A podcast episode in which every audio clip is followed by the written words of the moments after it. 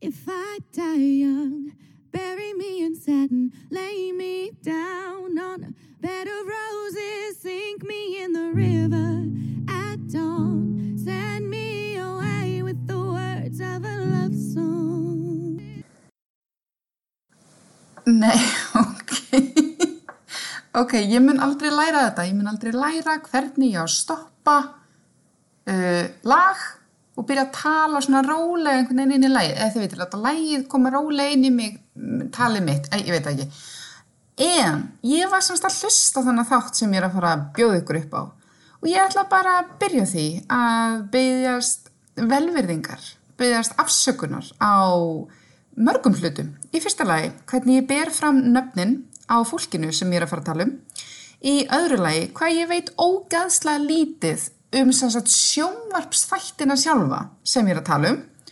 Og í þriðja lagi, hvað ég er utan við mig af því það er járskjálti, uh, koma nokkrir járskjáltar af menni tekið upp, þannig að ég er bara svona svolítið út að eka. En ég vona að það kom ekki að mikill í sög. Þannig að já, takk, ok, góða skemmtun. Góðan og blessaðan daginn og velkomin í popsálina. Þessi þáttur fjallar um ansi áhugavert og sérkynlegt efni og ég verða veikina að þetta er í fyrsta sinn sem ég kynni mér efni sem ég hef bókstælega enga þekkingu á og hef hreinlega aldrei horst á eða kynnt mér en vá hvað þetta er spes og ég bara get ekki slefti að tala um þetta. Þessi þáttur er tekinu upp inn í úlingaherbyggi í 100 ára gömlu timburhús í Hafnafyrði, Hafnafyrði þar sem að fjölskyldan hefur náðað næla sér í magapest. Og ég, við erum því, því að reyna að halda okkur frá öðru fólki og þar með tali bókasafninu í Hafnafyrði sem býður upp á frábært upptöku ver sem að heitir Rapp Rýmið Þannig að ég vona bara að þið fyrirgefu mér kannski þessi sæmilegu gæði, segjum það bara, og við bara getum þá haldið áfram og við skulum bara vinda okkur í efnið. En efnið þáttarins, þáttarins er vinsæli sjónastátturinn Glee og bara hvað í anskotunum er að koma fyrir alla sem koma nálega þessum þætti. Margir tala um einhvers konar bölvun eða, eða einhvers konar bölvun kvíla á, á þættinum eða álög og við skulum bara skoða málið. Ég vil taka það fram að það sem ég er að fara að tala um hér er sumt er kannski svolítið viðkvæmt en ég vil líka taka það fram að þetta eru bara pælingar. Ég er ekki að fara að halda því frammendilega að það sé einhver bölvun sem kvíla á sem þáttum eða neitt slíkt. Ég er bara svona að fara að segja frá þessum hugmyndum sem að hafa komið upp. En, byrjum bara eins á byrjuninni. Árið 2009 byrtist nýr sjónvastáttur á skjánum sem fólýsar einhvers konar blöndu af gamanleik, tónlist og leiklist. Glee er sem sagt bandarísku söngþáttur sem er framleitur og síndur af Fox Þátturum fjallar um sönghópin New Direction í Gagfræðskóla og í þættinum er bara fylst með meðlumum hópsins og bara vandamálum þeirra í lífinu. Í aðal hlutverkum eru Matthew Morrison sem leikur svona einhvers konar leikstjóra hópsins og, spænsk, og hann er spænsku kennari líka eh, sem heitir Will. Og svo er það hún Jane Lynch sem leikur hérna illkvittnu Sue Sylvester sem er þjálfari eh, klappstýruna í skólanum og hatar vist hennar sönghóp og svo eru meðlimi sönghópsins ansimargir og eru margir aðaleikarar og við munum tala um nokkra þeirra hér. Ég veit að það eru kannski sömur hérna sem að elska þessa þætti og munum mögulega berja haus í vegg þegar þeir heyra mig tala af miklu, maður að segja, áhugaleysi um efni þáttana og bara þekkingaleysi. En það er ekki áhugaleysi yfir sem sagt því hvað kom síðan fyrir fólkið. En þættirnir eru ekki, hvað ég segja, minn tepolli. Höfundar þáttana eru Ryan Murphy og Brad Falchuk, Falchuk og Ian Brennan sem skrifuðu það uppröðlega sem kvikmynd Ég er svona áttam að því að ég hefði mögulega haft gott að því að kynna mig framburð nafnana í þessum þætti og minn mögulega bara einfalda mig lífi með að segja bara þann part á nafninu sem ég kann að bera fram. Ég vona að koma ekki að mikill í sög. En í þessum þáttum þá setja personur upp svona söngadriði og höfundar þáttana reyna að nota blöndu af vinsalum lögum og, og svona klassiskum söngleikja lögum. Lögin sem að Leikararnir flytjaði þættinum hafa síðan oft hreinlega slegið gegn og hafa þættinni verið tillendi til margra verluna og, og unnið einhver verlun. Hugmyndin og bakvið glí kom frá Ían Brennan sem að byggði það á eigin reynslu af því að hafa verið í svona sönghópi í gagfæraskóla og síðan komu líka aðri höfundar setna meir að þessum þáttum. Á tímabilinu Á milli pröfu þáttarins og útgáfu annars þáttarglí fóru aðaleikarnir að ferðast um bandaríkjain til þess að syngja í bara alls, á alls konar stöðum, sérstaklega svona verslunamiðstöðum eða ná mollum, fylgdu greinilega mollformúlunennar hennar Britney Spears, mollformúlunni hennar Britney Spears. Já, einmitt. Þetta er greinilega eitthvað þeng þarna út í bandaríkjunum og eftir að fyrstu þáttarönni laug þá fóru allir leikararnir í tónleikaferðalag þannig að þetta varð alveg gríðarlega vinsalt. Og þegar Murphy fór að leita leikurum fyrir glíð þá vildi hann fyrst og fremst finna leikara sem færu létt með að vera á sviði og í stað þess, stað þess að halda einhverju hefðbundnar áhengna pröfur þá fór hann bara á Broadway og slíka staði til að finna henduga leikara og var þá alveg sérstaklega leika að svona, leita að svona leikurum sem væru góðir í söngleikum. Hann má í rauninni segja að í glís séu 15 aðal hlutverk. Það er þessi Morrison sem leikur spænsku kennaran Will sem að verður þessi leikstjóri söngkópsins og vill einhvern veginn svona endur reysa þennan söngkóp og það er hún Jane Lynn sem að leikur þessa siðspiltu klappstýru þjálfara konu sem heitir Sue Sylvester sem að hatar þennan söngkóp og bara alla meðlumina. Svo er það, uh, eru það aðri leikarar og kannski svo frægasta Lea Michelle, Lea Michelle sem leikur Rachel Berry sem er svona hæfileikaríkur nefandi í söngkópnum og þráir bara ekkert heitar en að verða fræg söngkónguna og henni er svona oft stríkt einhvern veginn af íþróttafólkin í skólanum. Svo er það Cory Monteith sem að margir þekkja líka. Hann var líka einn af aðaleikurunum og leik Finn Hudson sem að var svona uh, fóboltamaður, svona í amerískum fóbolta og í rauninni stopnar svona vinsandum sínum í skólanum hættu með því að taka þátt í þessum söngkópi og þetta er svo klassist. Og þetta er svo klassisk stereotýpa. Í hópnum er einni Mercedes Jones sem er leikin af Amber Riley sem ávist að verða eitthvað búa sári við því að fá ekki að vera aðal, aðal söngkonan og svo er það Kurt Hummel sem er leikin af Chris Colfer. Hann á að vera samkynneiðu tenor. Svo er það Arti Abram sem er leikin af Kevin McHale sem er lamaður og dreymir vist um að vera dansari. Og svo er það Tina Cohen Chang sem er leikin af Diennu, ok, reynum þetta, Úskóvits, jájá, sem er svona hálf bandarísk, hálf japansk úlingastúlka sem þykist vera með stama, sem þykist vera með stama, jájá, ok. Uh, og svo er það Mark Salling sem að bætist svona setna í hópin um, sem leikur Noah sem á að vera besti vinnur Finns. Og svo eru þarna fleiri leikarar til að mynda uh, Heather Morris og svo Naya Rivera sem ég mun tala um líka hér í þessum þætti. Þannig að þetta voru fullt af leikurum, fullt af nefnum sem ég kann ekkit að bera fram, framleiðundu þáttana að reyna að tikka í öll bóksin og vera hérna með fjölbreytt úrval af, af leikurum sem er bara frábært, allt gott og gilt. Um, Hilda fjöldi þáttana var 121 og þetta voru 6 þáttarraðir og þættirni voru í gangi þarna frá 2009 til 2015. Og ég verð bara að segja að ég held ég hafi ekki séð ein, einasta glý þátt. Bara já, ekki, ekki einn. Jæja, Ég veit ekki hvort það er eitthvað sem maður á að skamma sín fyrir eða vera sáttur með. Ég bara hef ekki hugmynd.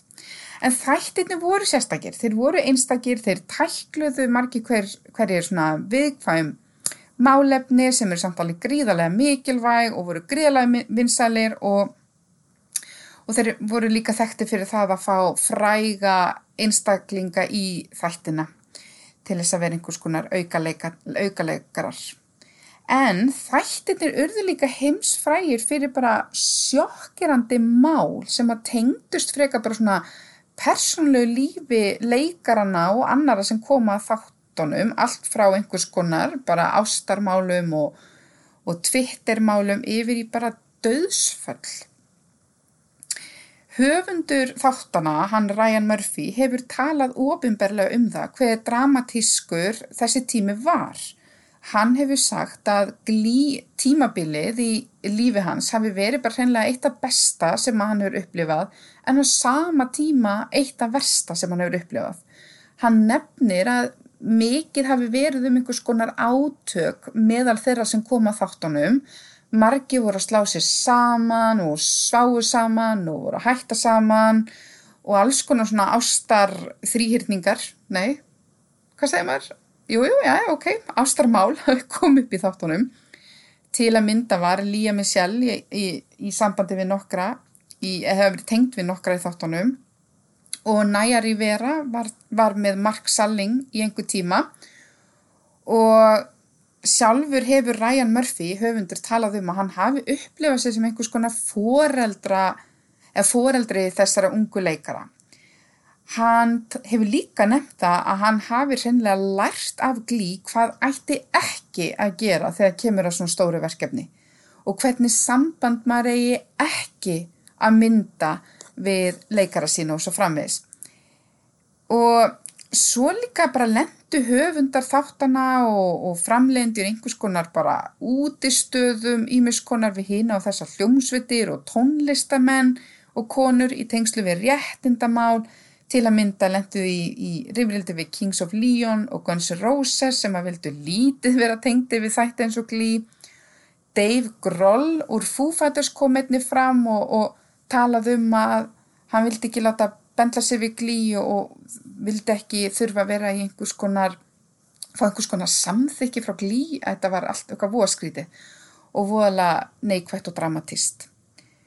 En Glí hefur fengið sem þess að ég segja á þann marga fræga einstaklinga til að mæta í þáttinn og mætti ég þá nefna þar hann að Britney Spears en það var einhvers konar Britney Spears svona tribute þáttur ok, ef það er einhver þáttur sem ég skal horfa á, þá er það þessi Britney Spears tribute þáttur en hún er vist eina að fáu svona tribute þáttar eh, einstaklingum sem mætti í þáttinn og hefur ávalt talað mjög vel og jákvæmt um bara upplifin sínu af þessu og kynni sína leikurunum í glí. Og þegar sem sagt þættirni voru á svona sínu þriðja sísoni þá hófust svona hlýðarþættir eða svona raunveruleika þættir sem nefndust í Glee Project þar sem að þáttakandu voru að keppast um bara hlutverk í Glee.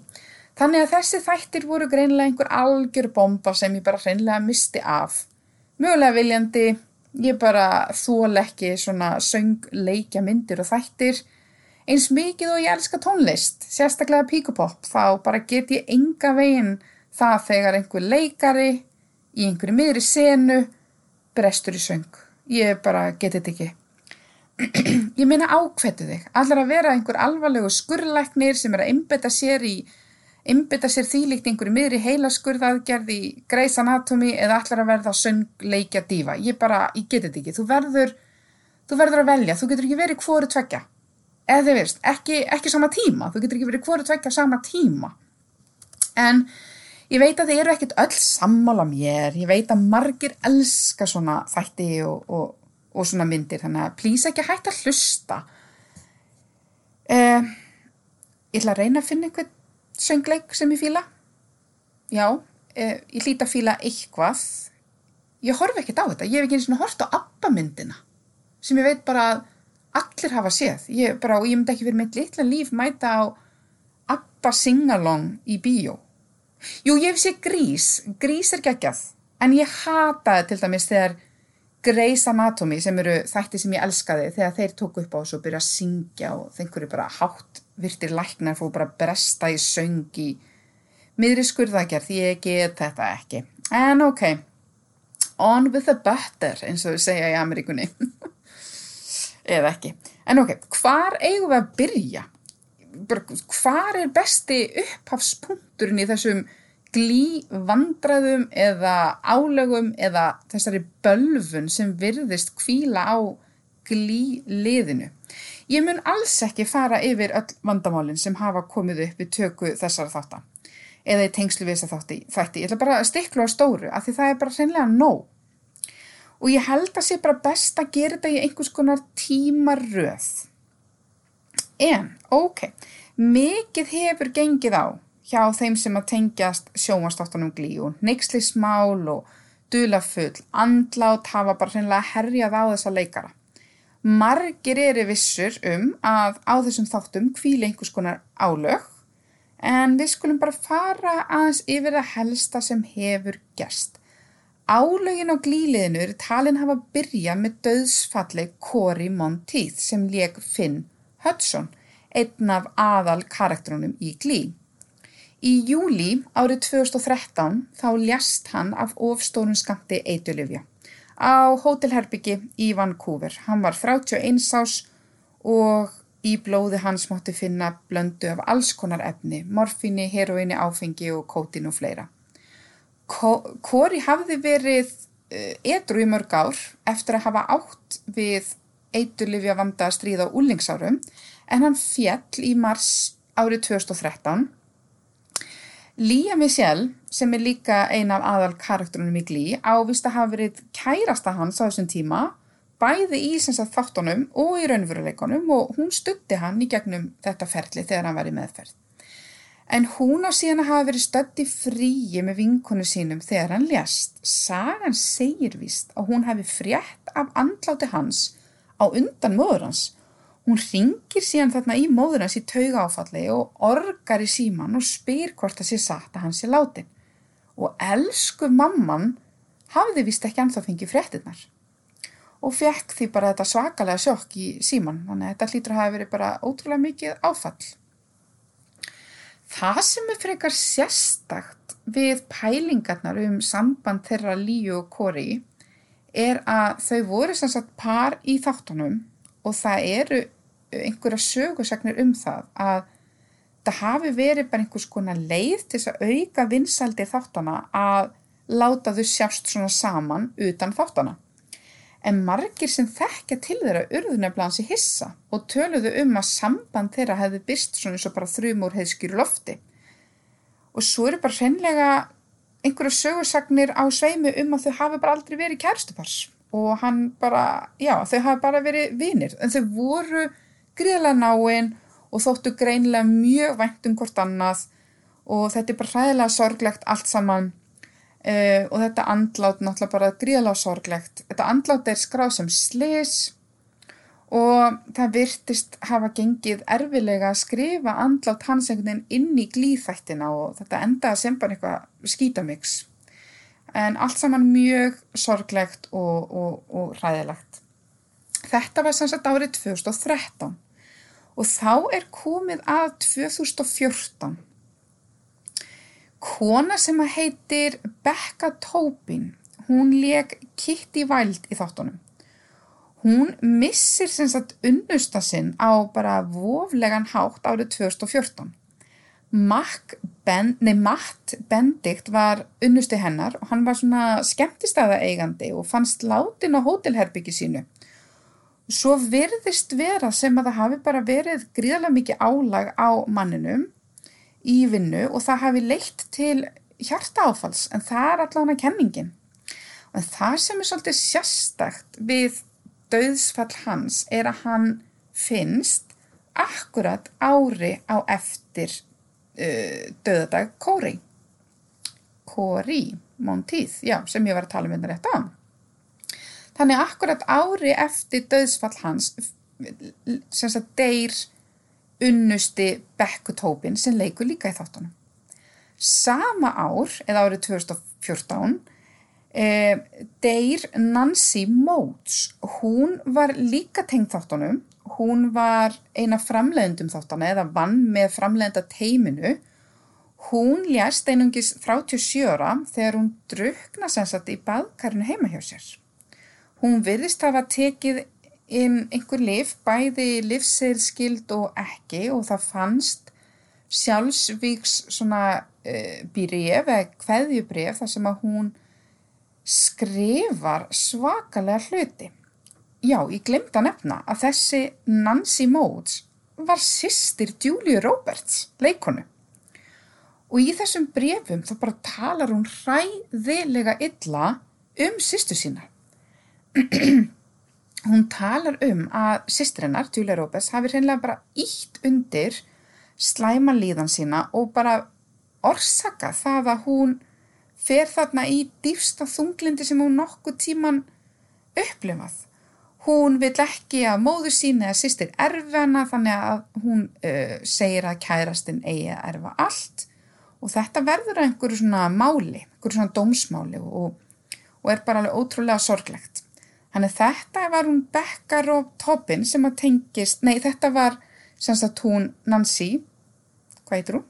Já, Nancy Motes sem að tengist þessum þáttum líka.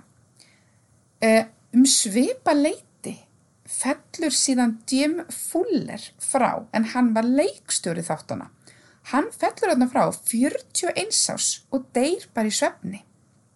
Hann var bara gríðilega vel liðinn og, og er talinn sem sagt hafa látist vegna hjarta áfalls vegna streitu í tengslu við þættina. Þarna eru sem sagt á þessum tímapunkti eru komin þrjú ef ekki fjögur döðsföll á innan við ári sem að tengjast þessum þáttum. And, andlát Kori Monti þeirra eflaust það sem að flestir muna eftir en það var líka bara margt, margt annað sem að gerðist hjá glíkrúinu á þessum árum. Eh, eitt sem ég langar nefna er til dæmis eh, mál sem að tengist eh, Melissu Bonist, bon, Benoist, já, afsakið, Melissu Benoist, Jésús, ég hefði átt að googla þessu nöfn, já, já, hún leik eh, Marley Rose í þáttunum og tengist líka Supergirl þáttum, allan að hafa ekki leikið Supergirl, allan hana. Hún var gift samleikara sínum úr þáttunum sem heiti Blake eh, Jenner í nokkur ár og hún byrtir mjög svo tilfinningaþrungi myndband á Instagram árið 2019 þar sem hún segir frá hræðilegu heimilisofbildi sem hún upplifði í mörg ár.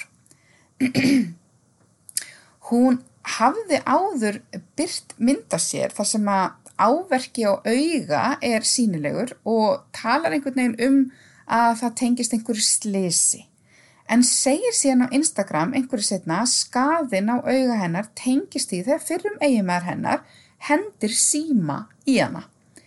Einni lýsir hún ítalega bara öðru óbeldi sem hún varð fyrir uh, af hans halvu og hann kemur síðan fram í kjölfarið og segir sína hliðamálinu og talar um að uh, hún hefði líka beitt hann ofbeldi. Hún kemur síðan fram setna og segist hafa bara verið að verja sig. Þannig að þetta er svona ótrúlega viðkvæmt mál og kannski bara svolítið erfitt að fara dýbra ofin í það. Ok, ég er að tala hérna um glí og ég seti inn í hundra ára gamlu húsi og ég get að svara að húsi mitt nötrar. Ég semst er að taka þetta upp hérna í einhverju skjáltar hennu, bara svo það sé á hreinu. Þannig ef ég er eitthvað svona, þetta út og inn, þá er húsið mitt að nötra. Eða ég er bara orðin svona upptökin af því að það séu skjáltar og er fann að ímynda mér að húsið mitt séu að nötra. Jæja, anyways, þannig að þetta mál þeirra e, Melissu og Blake Jenner er bara ótrúlega viðkvæmt og ég bara ætla ekkert að fara neitt dýbra ofan í það. En þá er komið að næsta máli sem að tengist glíhópnum og það er bara ótrúlega óhugnalegt og ógeðslegt.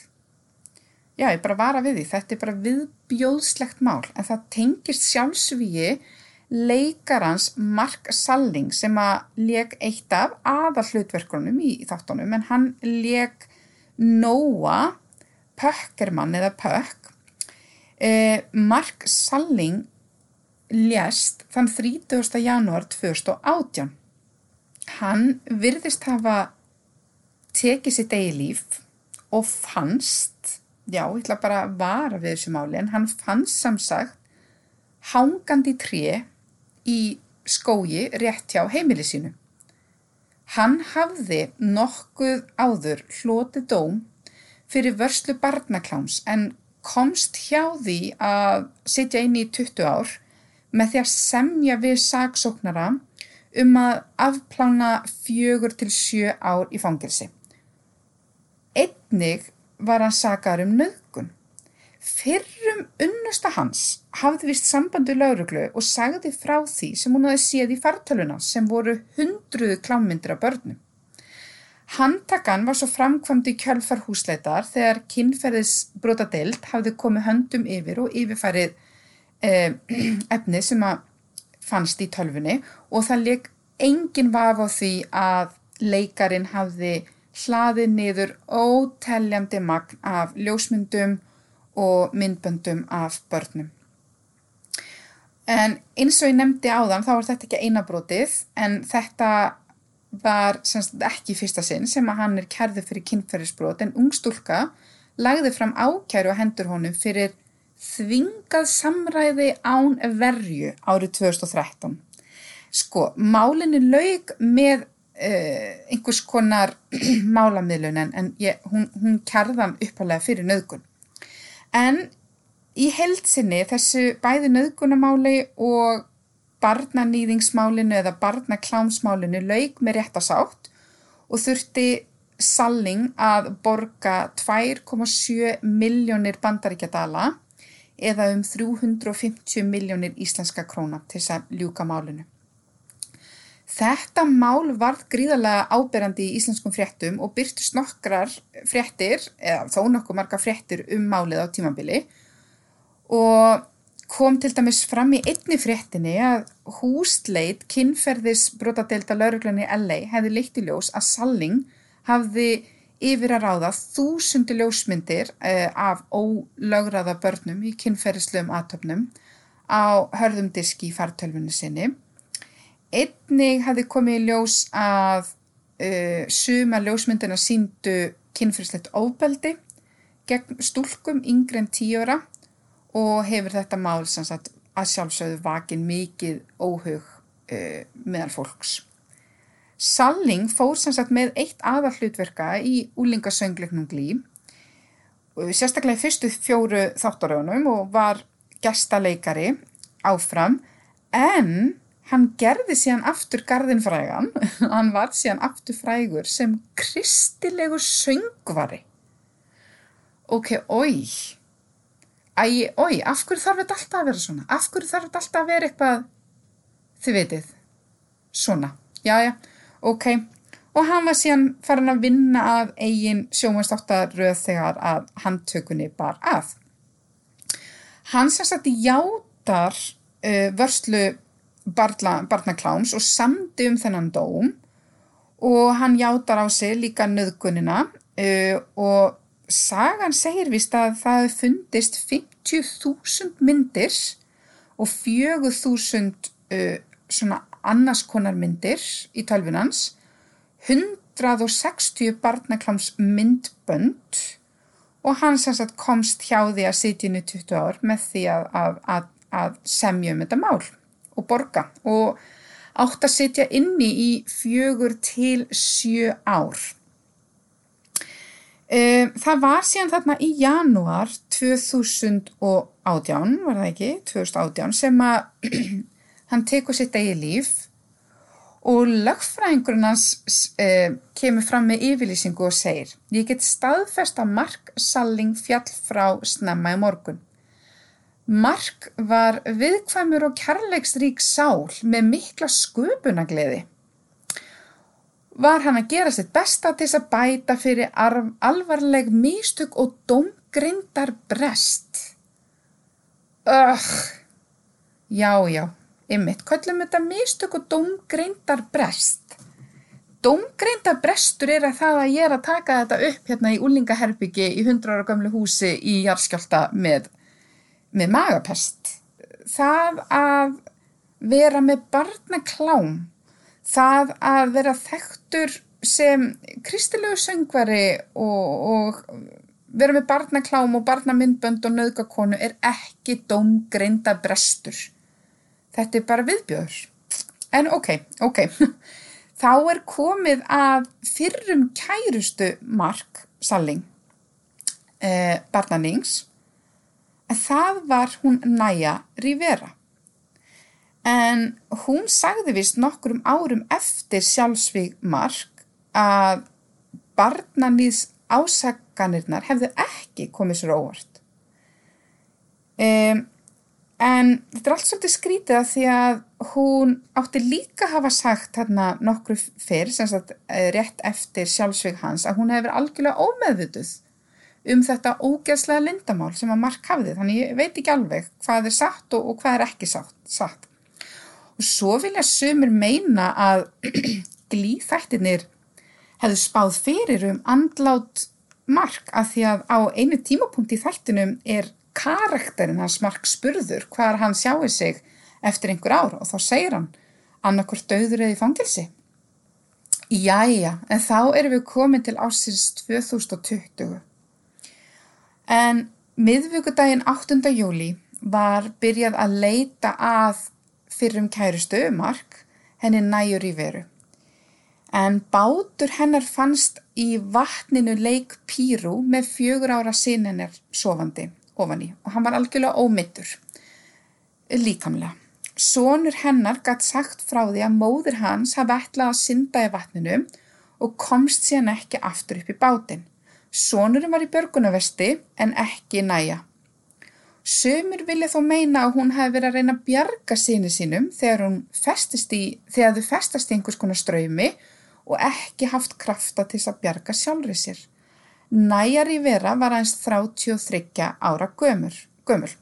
Leitað var að næju í nokkra daga og fannst hún fimm dögum setna eða þann 13. júli 2020.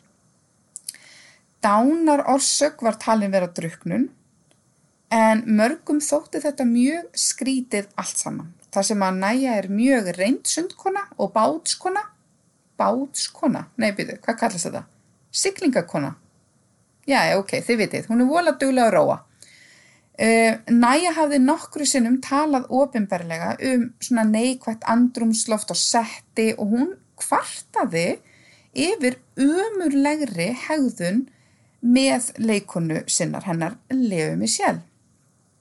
En einni hafði hún lendi í einhvers konar ákæru fyrir um eiginmaður næju sem sagt ekki þessi uh, mark kærðana vist fyrir heimilisofbeldi en drósi hann kæruna tilbaka uh, margir aðdándir þáttana hafa veitt í aðtikli að líkið af næjur í veru fannst á sama degi og lík uh, Korimón tíð sjö árum áður Þannig að mörgu finnst þetta svolítið sérstakt, hvernig einhvern veginn það er alltaf þessi sami dagur, þessi sami döð, döðdagur sem kemur upp hann á nokkru sinn.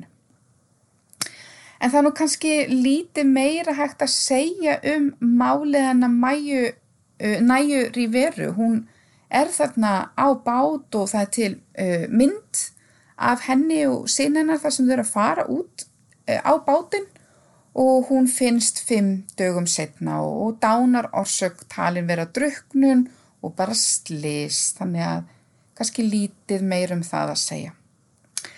En mér langar líka aðeins að tala um aðaleikonuna hana líu mig sjálf en hún hefur verið gríðarlega umdilt Hún er eflaust hvað þekktust af leikaraliðinu, ég allan að vissi hver hún var áður, án þess að hafa nokkuð tíman hórt á þessu þætti.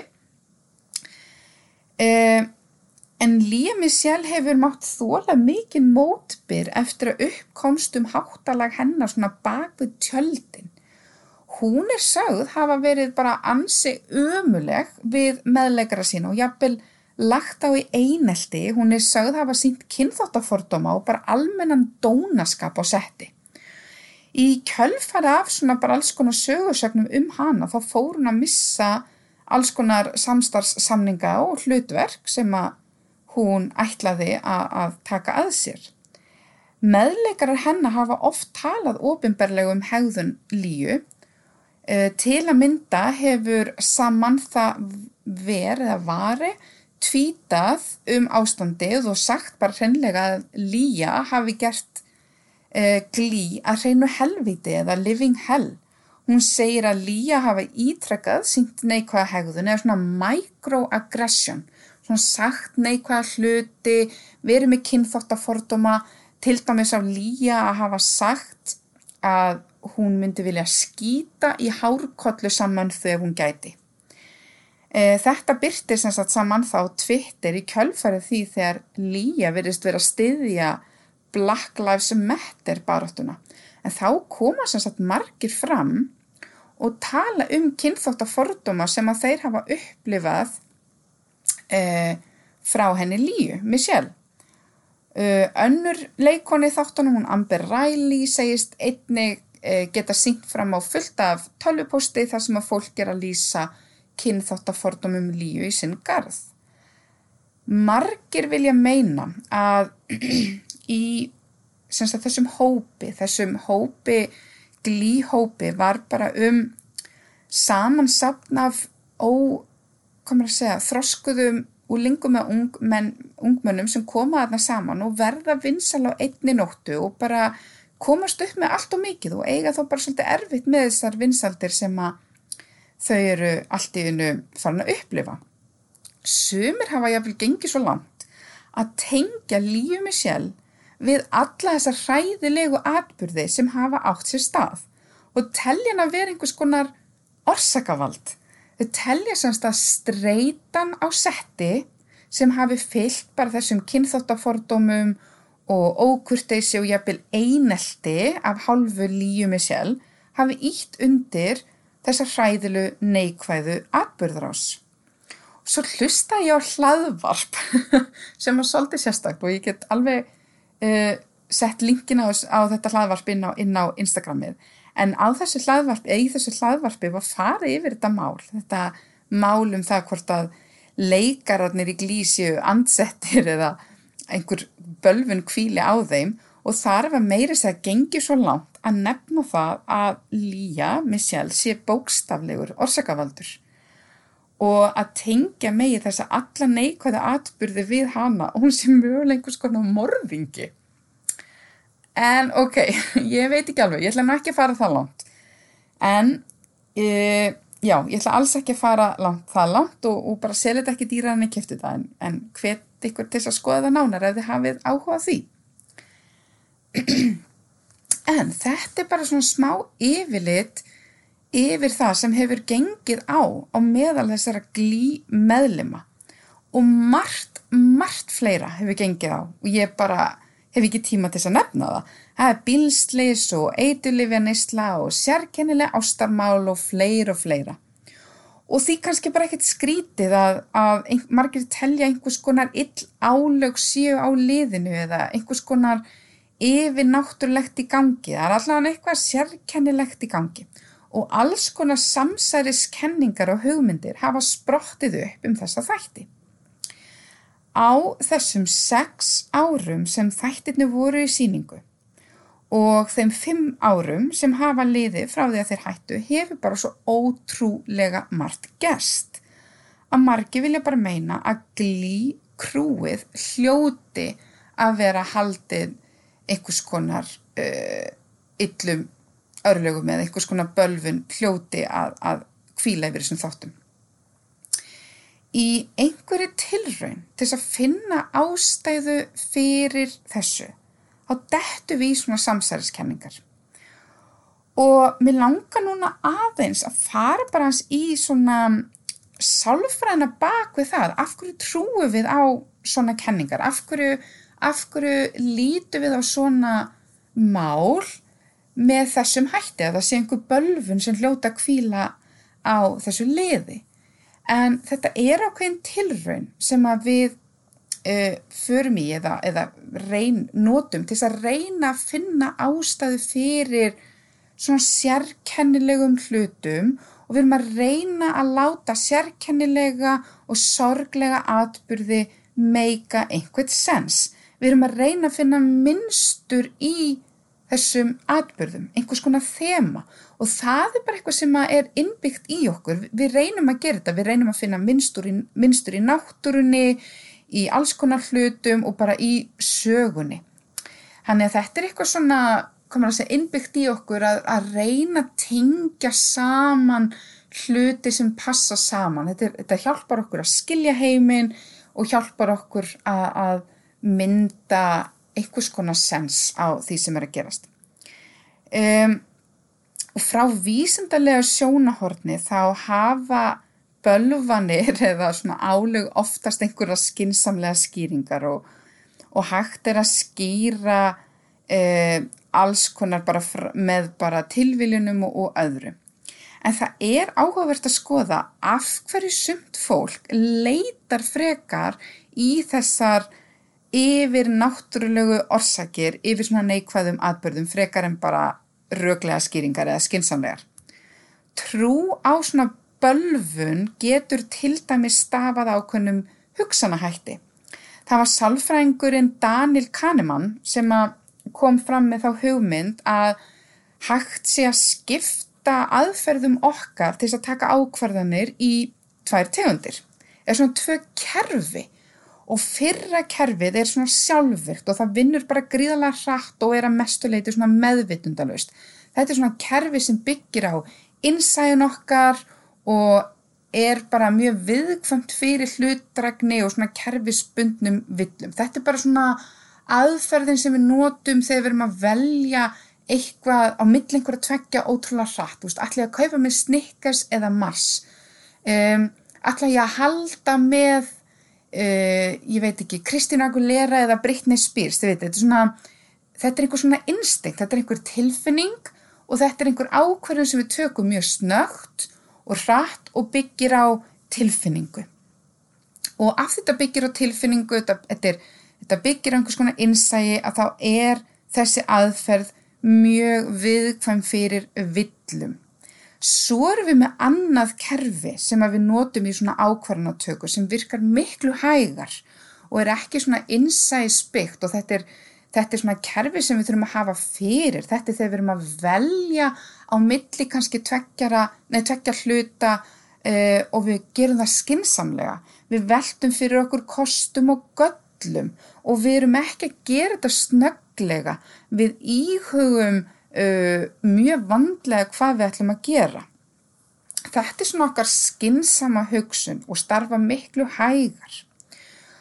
Og samkvæmt Daniel Kahneman, þá sagt, notum við báðar þessa aðferðir, fyrir bara eftir hvað við erum að spá í, hvað við erum að gera uh, og já, í hvað aðstæðum við erum, en fólk sem, sagt, sem að trúir oftar á einhvers konar bölfun, það áðað oftar til að velja þessa snöggu aðferð og þessa huglægu og innsæðis aðferð þegar það leitar að einhverjum uh, orsökum og þegar það tekur ákvarðanir. Um, annað svona, það að reyna að, hérna, það að líti alltaf á það sem einhvers konar bölfun eða einhvers konar álöksi á fólki getur einnig stafað af þessari löngun okkar til að skilja heiminn. Að finna einhvers konar merkingu í óreiðunni. Þau veitu af hverju virðist við stundum sjá andlit í skíjónum eða andlit af Jésu í ristuðu brauði. Þau veitu, við, við höfum tilneingu til að finna þýðingamikið minnstur í einhverju algjörlega tilgangslausu. Til dæmis eh, tilgangslausum háfaða eða já, einhverju svona hljóði, við leitum að minstri, við leitum að einhverju þema.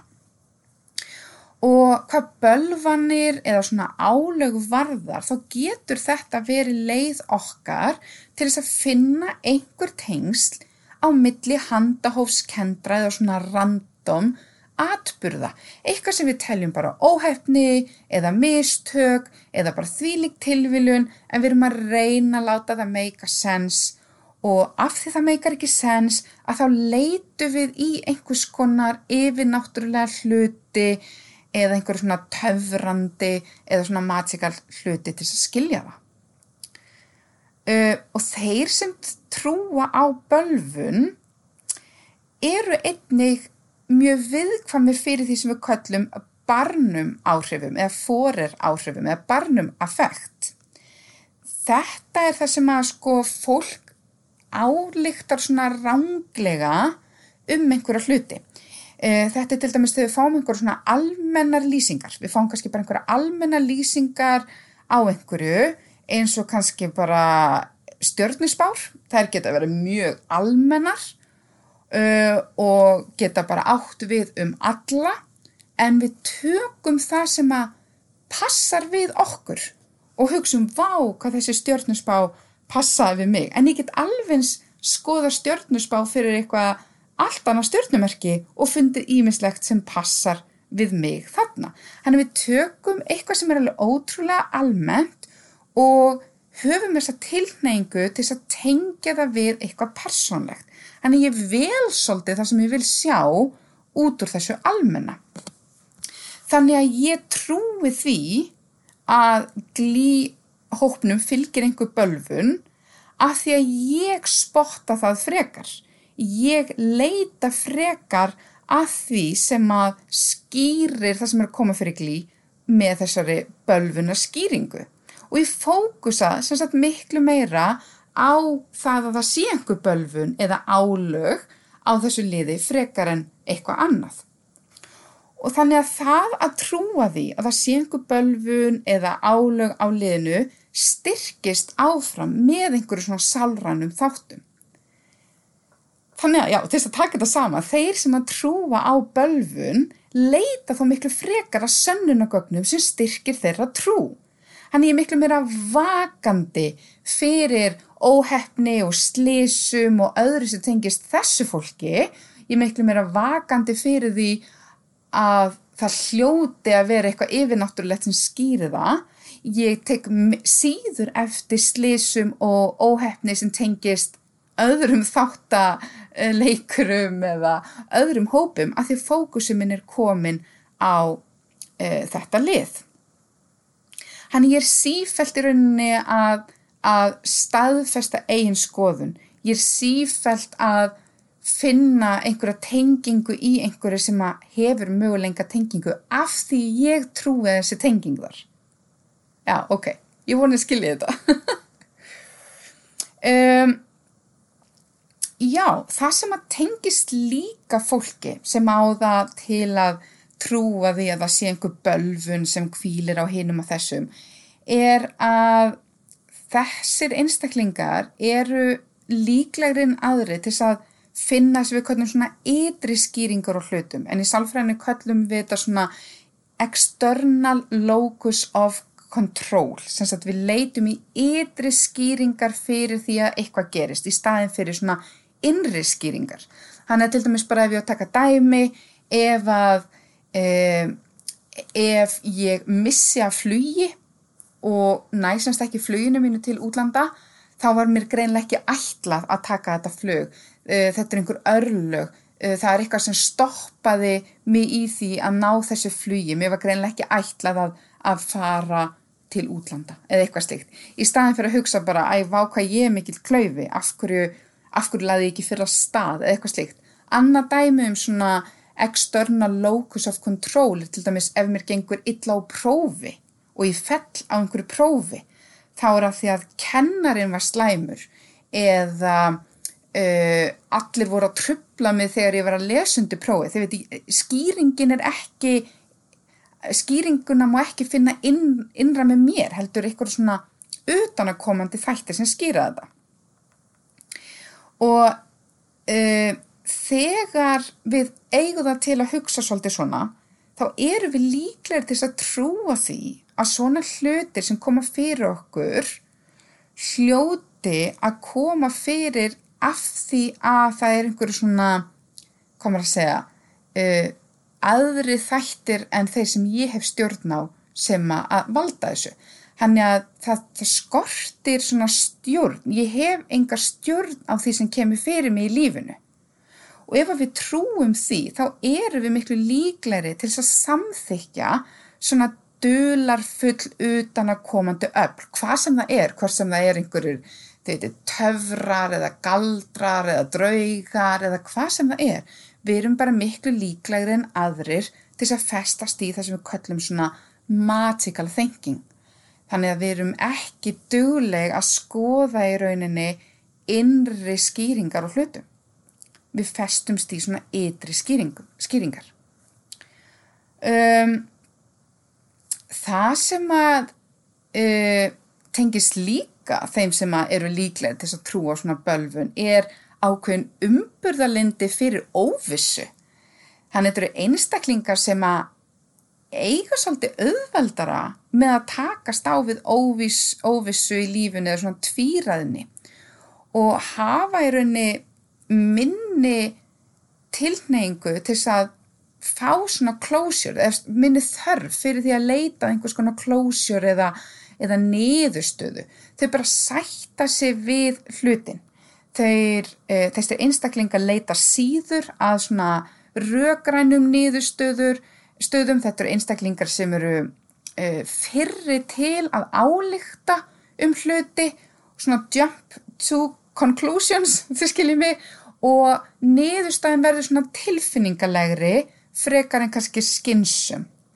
Þannig að þetta eru svona einstaklingar sem að, að bara sætta sig við einhvers konar uh, óvissu og hugsa þá bara já, já, þessu var bara meant, þetta var bara meant to be, þetta var bara eitthvað sem að, uh, mér var ætlað að lenda í. Sem að getur alveg að hluta til verið gott að því stundum auðvitað uh, lendu við í hlutum í lífinu sem við höfum enga stjórn á.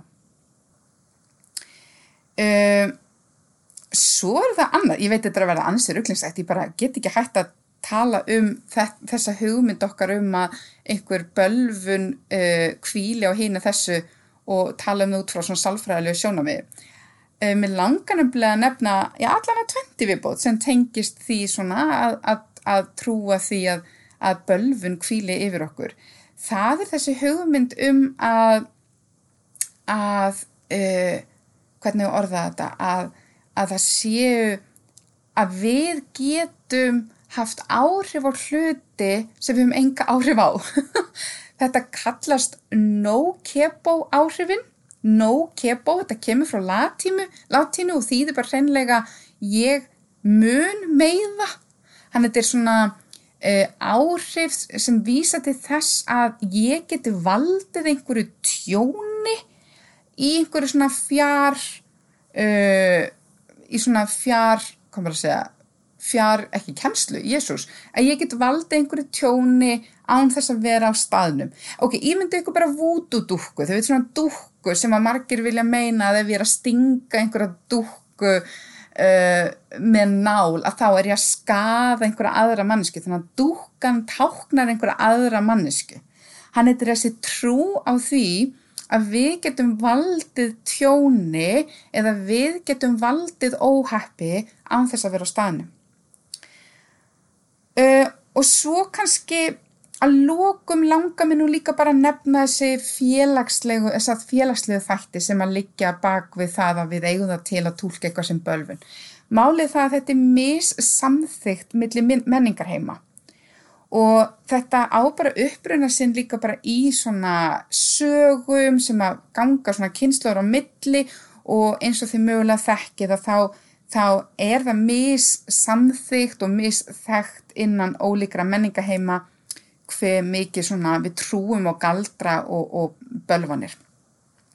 Þannig að þetta er, þetta er líka mismunandi ekki bara millir einstaklinga, ekki bara millir hvernig týpur við erum og hvernig við hugsum, heldur líka millir menningar heima. En þótt að álög og galdrar og bölvanir hafa aldrei verið stutt á vísindarlegan máta, þá getur slík svona trú haft gríðarlega mikil áhrif á fólk. Og það að trúa á bölvun eða aðra svona yfir náttúrulega þætti hefur sem sagt áhrif á ákvarðanatöku okkar, það hefur áhrif á bara sjálfströst okkar og hugmynd okkar einhversu mikla stjórn við höfum á lífi okkar og þetta hefur bara áhrif á almenna líðan. Í verstu tilfellum þá getur svona trú haft þau áhrif að við byrjum að trúa á óeðlilega og jafnvel hættulega hluti. Við förum að tapa bara svona gaggrinni hugsun og við förum mögulega að hegða okkur á enkennilega máta og nýlegt dæmi um þetta er þessi ógeðslega mómó áskorun sem að gekk um á netinu fyrir einhverjum árum síðan sem tengdist svona hrollvekjandi eh, japanskri fíguru og einhver svona leiðbenningum um að fólk átt að framkvama hinn ímsu hættuleg verkefni og ef þau gerðu það ekki þá uh, myndi eitthvað hræðilegt koma fyrir sem tengdist þessari vekjandi uh, fíguru og þetta bara allir þýlikur, þýlikur bara hræðslu og áhyggjum meðal uh, bara barna og foreldra þeirra.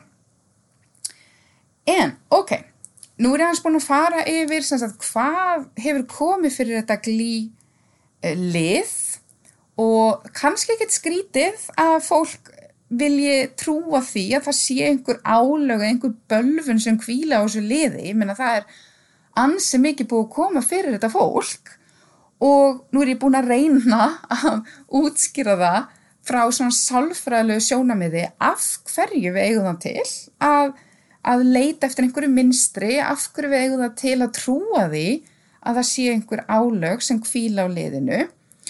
Um, en flest trúum við því nú kannski ekki. Flest trúum við því nú bara að þetta séu uh, hérna, tilviljanir, að þetta sé bara óskup eðlilegt.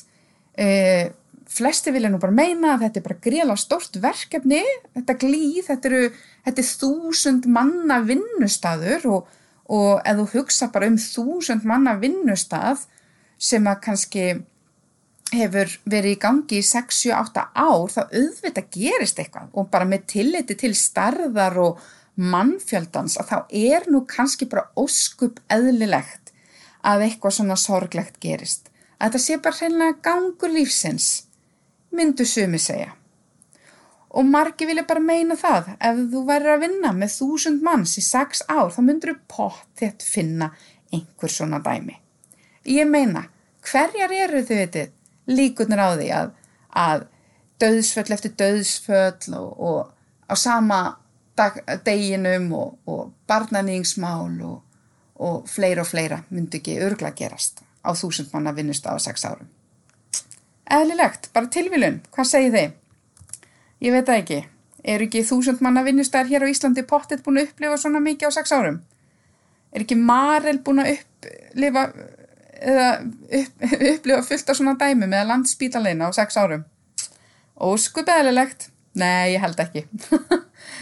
En ok, ég ætla ekki að koma minn inn að niðurstöðu hér, ég ætla ekki að segja eða taka afstöðum það hvort að þátt að sér en glý sem ég hef aldrei nokkuð tíman hort á um, sé haldin einhverjum yllum öndum eða hvort að sé einhver bölfun sem ríkir á, á eða kvílir á glý liðinu, ég get ekki sagt til um það Þetta er auðvitað allt saman bara gríðarlega sorglegt og ég vona að þessum neikvæðu og sorglegu atbyrðum fer nú fækandi á þessu liði og þrátt fyrir að ég sjálf trúi nú lítið á álög og galdra.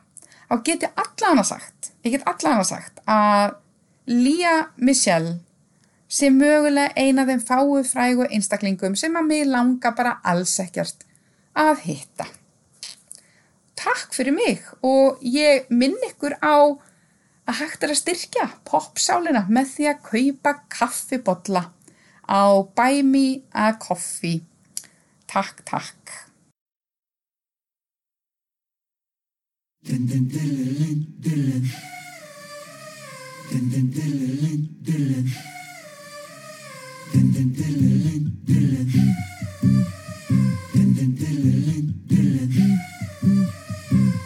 Baby, can't you see I'm calling? A guy like you should wear a warning. It's dangerous. I'm falling.